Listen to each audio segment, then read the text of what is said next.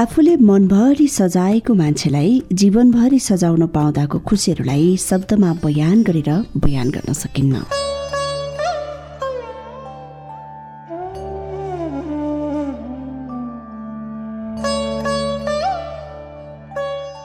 नमस्कार म सृजना।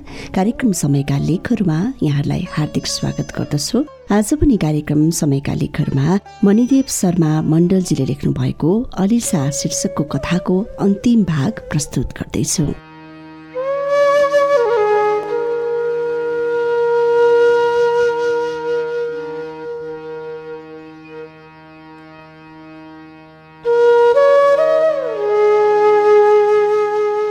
जति दुखी म उसको बिहेको खबर सुन्दा भएको थिएँ त्योभन्दा तुप्पर खुसी म उसलाई आफ्नै बनाउँदैछु भन्नेमा थिएँ वर्षौँदेखिको सपना आज पूर्ण हुँदैछ। कसरी सुनाऊ म त्यो खुसीको पल? झन्डै एक बित्ता फ्रिएको थिएँ। वर्षौँको असीम पर्खाएपछि एघार बज्यो। खाना खाएर रुममा पल्टिरहेको थिएँ मायाले फोन गरे। खुसी हुँदै रिसिभ गरे। हेलो मैले भने। आइपुग्यो बस पार्क? उसले भने। हो ल ल आएँ मैले भने र बस भागतिर निस्किएँ उनीहरूलाई लिन। योभन्दा पहिले मायासँग भेट भएको थिएन। अलिसा पहिलाभन्दा झनै पातली भएकी थिए। ब्ल्याक ज्याकेट र निलो प्यान्टमा व्हाइट सुज उसलाई निकै म्याच गरेको थियो। अलिसा भन्दा माया अलि ओची रहेछ। ऊ त पुरै ब्ल्याक ड्रेसमा थिए। अनुहारलाई लिएर मान्छेको सुन्दरता वर्णन गर्ने हो भने माया पनि अलिसा भन्दा केही कम थिएन। नमस्ते बिनाजु मलाई देख्न साथ मायाले भने कति कुराको मैले भने उनीहरूको नजिक उभिँदै यत्रो वर्ष कुर्नुभयो र अब अलिकति पनि कुर्न सक्नुहुन्न? मायाले भने रिप्लाईमा म फिर्स हाँसे मात्रै। अनि तिमी चाहिँ किन नबोल्या नि अलिसालाई हेर्दै भने ऊ त मेरो अङ्गालोमा टाँसिएर रुन पो लागे म पनि रहेछु ऊ सँगसँगै ल अब यो रुनाधुना चाहिँ बन्द गर्नु है। मायाले भने अनि हामी तिनैजना हाँस्यौँ। ल जाउँ अब मैले भने। अलिसाले सानो ब्याग लिएकी थिए। कपडाको ब्याग मैले उठाएँ। कोठामा पुगेर मैले उनीहरूलाई खाना अफर गरेँ। उनीहरूले भोक कति पनि नभएको बताए। बरु छिट्टै मन्दिर गएर बिहे गरिहाल्नु पर्ने नत्र घरबाट खोज्दै आउन सक्ने भनेर मायाले भने। बिहे कसरी गर्ने कहाँ गर्ने भनेर एकैछिन छलफल गऱ्यौँ। सिद्ध बाबा मन्दिरमा बिहे गर्ने पक्का भयो। हामीले बिहे गर्न लागेको र बेलुका आउँछौँ भनेर होटलवालासँग बिदा लिएर निस्कियौँ। चुरा पुते सिन्दुर र साडी किनिदिए बरमाला पनि लियौँ। सुभाष देवकोटा बोसले फोन गरे त्यही बेला। उनलाई आफूले बिहे गर्न लागेको र नाइट बसमा पोखरा आउने जानकारी दिए। उनी खुसी भएर फोन राखे। पैसा छ छैन भनेर बिचरा सोध्दै पनि थिए। चाहिए फोन गर्छ है भने। खुसी हुँदै उनले फोन राखे। घरमा पछि भनौला भन्ने लाग्यो। रिक्सा चढेर सिद्ध बाबातिर लाग्यौँ। सिद्ध बाबा मन्दिर बाक्लो हुस्सु लागिरहेको थियो। घडीले दिउँसोको एक बजाउनै आँटेको थियो। रिक्सावालालाई पैसा दिएर मन्दिरतिर लाग्यो। पण्डितलाई छिटो विवाह सक्नका लागि आग्रह पनि गर्यौँ। उनले एक घन्टामा सबै काम सकिने बताए।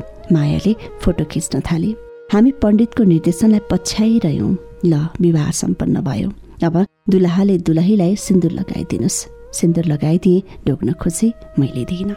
कस्तो मिठो आवाज! हिजोसम्म ऊ मेरी प्रेमिका थिए। आज मेरो संसार भएकी छ। पण्डितलाई हजारको नोट चेकेर दिए उनी खुसी भएर सफल दाम्पत्य जीवनको कामना गरे। उनीसँग बिदा मागेर हामी मन्दिरबाट निस्कियौँ। मेरी सानो मेरी प्रिया म कम्ती खुसी भएको थिएँ त्यो पल जसलाई मैले धेरै चाहेँ आज उसैलाई पाएको छु। फर्किँदा रिक्सा भेटिएन बसमा फर्कियौँ।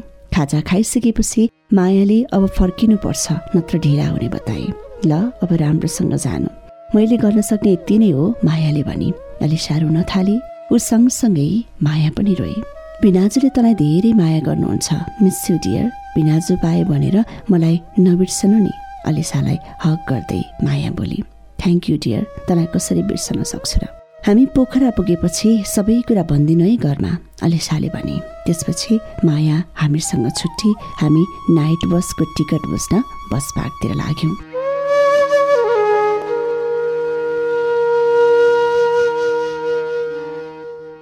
थाहा छैन कुन तत्त्व हुन्छ त्यस्तो प्रेममा जसले मान्छेलाई निकै सन्तुष्टि दिन्छ अनि त्यत्तिकै पीडा पनि। हिजो अलिसा मेरी प्रेमिका थिए। आज सब थोक भएकी छ। सुख उसँगै साटे दुःख उसँगै बाँडे यस अर्थमा ऊ मेरो सपथोक भन्दा अनुचित नहोला सायद। आज आठ पैँतालिसको टिकट लिए। समय अझै निकै बाँकी थियो। घडीले साँझको छ पैँतिस बजाउँदै थियो। मन यसै यसै पुलकित थियो। अलिसाको साथ पाएको थिएँ। चियाको तल तल लाग्यो। म निकै नै चिया प्रेमी अलिसालाई चियाको अफर गरे। उसले आफू नपिउने बताए। चिया अर्डर गरे र उसको नजिकै बेन्चमा बसे। एकैछिन यता आउनु त। अपरिचित आवाजले बोलाउँदा म झसङ्ग भएँ। त्यो अपरिचित आवाज अलिसाको दाई थियो मेरो दाई। म्यासेन्जरमा फोटो पठाएर भनेकी थिए। सबै फ्यामिलीको फोटो पठाएकी थिए। त्यसैले उनीहरू मेरा लागि अपरिचित थिएनन्। दाई धेरै स्ट्रिक्ट हुनुहुन्छ। कहिलेकाहीँ ऊ आफ्नो दाईबारे सुनाउँथे। ऊ सँगसँगै चारजना अरू केटाहरू पनि थिए। अलिसालाई हेरे प्रष्टै देखिन्थ्यो उसको मुहारमा डरका रेखाहरू। म पनि हत्तिरहेको थिएँ। त्यो बेला मलाई सक्दो सम्हालिनु थियो। उसको दाई सँगसँगै उसका साथीहरू पनि पछि लागे। कहाँ तेरो घर? अलि पर सार्वजनिक शौचालय नजिकै उभिँदै अलिसाको दाई बनाउँदो बोल्यो। झनक्क रिस उठ्यो एक चापड हानिदिनु जस्तै। तर परिस्थिति भिन्न थियो। त्यस्तो नमिठो आवाज फ्याँक्ने अरू नै कोही हुँदो त आफूलाई सम्हाल्न सक्दिनथ्यो होला। तर मलाई सक्दो सम्हालिनु थियो। चरिकोट भने। सक्दो नम्र हुने कोसिस गर्दै भने मेरो शाखा सन्तान जबै सबै सबै आदि आदि। उस्तै नमिठो आवाजमा सोधिरह्यो। म ज्ञानी बच्चाले जस्तै उसको उत्तर दिइरहे।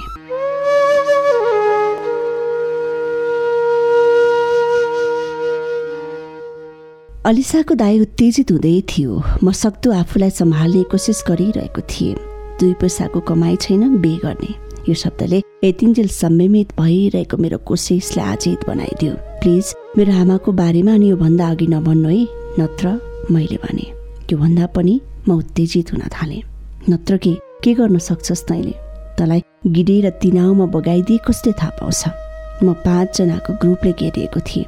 मस्तिष्क शून्य प्राय भएको थियो। के भन्नु के नभन्नु? हलिसाको दाई चिच्याउन थाल्यो। मलाई बिस्तारै पिट्न थाले। छातीमा लात एउटाले हान्यो म ढुनमुनिँदै लडेँ। त्यसपछि उनीहरूले म माथि लात्तीको वर्षा गरे। ओइ मर्छ अहिले छोड्दै केटा हो? नेपथ्यमा कता कता सानो आवाज सुन्यो। त्यसपछि के भयो? थाहा छैन। होसमा आउँदा हस्पिटलको बेडमा थिएँ। डक्टर सत्र नम्बरको पेसेन्टको होस आयो। मेरो आँखा खोलेको देखेर नर्स चिच्याए। तिन दिन अघि बस पार्क पछाडिबाट बेहोस अवस्थामा भेटेर लुम्बिनी अञ्चल हस्पिटलमा भर्ना गरिएको रहेछ। अनुहारभरि पट्टी बाँधिएको थियो। बेहोसीमा पनि तपाईँ अलिसा अलिसा भनिरहनु भएको थियो अरे। डक्टरले भने उहाँ नै हुनुहुन्छ। हजुरलाई हस्पिटलसम्म ल्याउने महान पुरुष। समयमै हस्पिटल नल्याएको भए जे पनि हुन सक्थ्यो डक्टरले थपे मेरो अगाडि मङ्गोलियन फ्रेसको करिब बाइस तेइस वर्षको युवक उभिएका थिए। म उनीप्रति कृतकृत भए। हस्पिटलमा बिल पे गरेर निस्क्यौँ। सञ्जीव बराल उनको नाम रहेछ। मेरो वालेट र मोबाइल फिर्ता दिँदा म निकै भावुक भएँ। हजुर मान्छेको रूपमा भगवान् हो। यो भनिरहँदा मेरो आँखाबाट तर आँसु जुएको थियो। यो त मेरो कर्तव्य हो। उनले यो भनेर मेरो नजरमा आफूलाई झन महान बनाए। मैले आफूमाथि घटेको सबै घटना एक एक गर्दै बताइदिएँ। उनी बुटोलकै बासिन्दा रहेछन्। मैले पनि सम्झिरहेछु। छुट्टिने बेला मैले उनको कन्ट्याक्ट नम्बर लिएँ। अहिले पनि म उनीसँग सम्पर्कमा रहन्छु। त्यसपछि मैले अलिसालाई सम्पर्क गर्न खोजेँ। उसको मोबाइल स्विच अफ नै थियो। मायाले उसको बिहे भइसकेको बताए। ह्याप्पी म्यारिड लाइफ भनिदिनु। यति भन्नासाथ फ्याक्ट फोन काटे।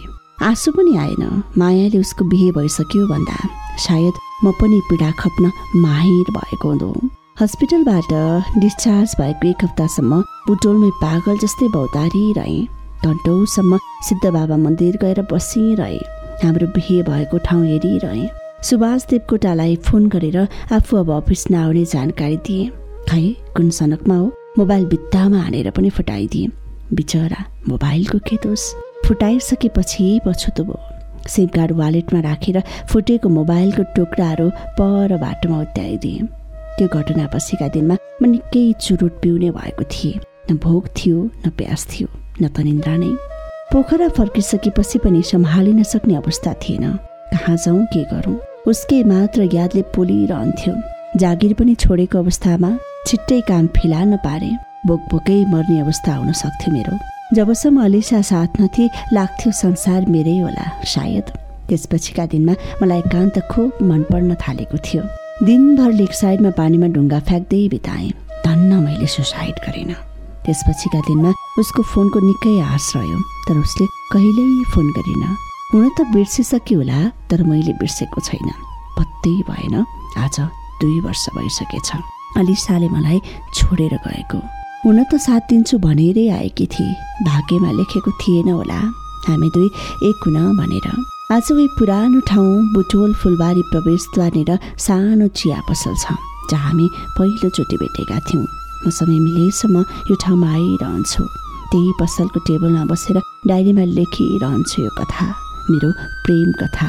अलेसा हिजो मेरी थिए आज पनि मेरी नै हो र भोलि पनि मेरी नै रहनेछ। कल्पनामा नै सही। मेरो जीवन बचाइदिने त्यो महान पुरुषलाई धन्यवाद। नत्र यो कथा पनि सँगै मरेर जाने थियो।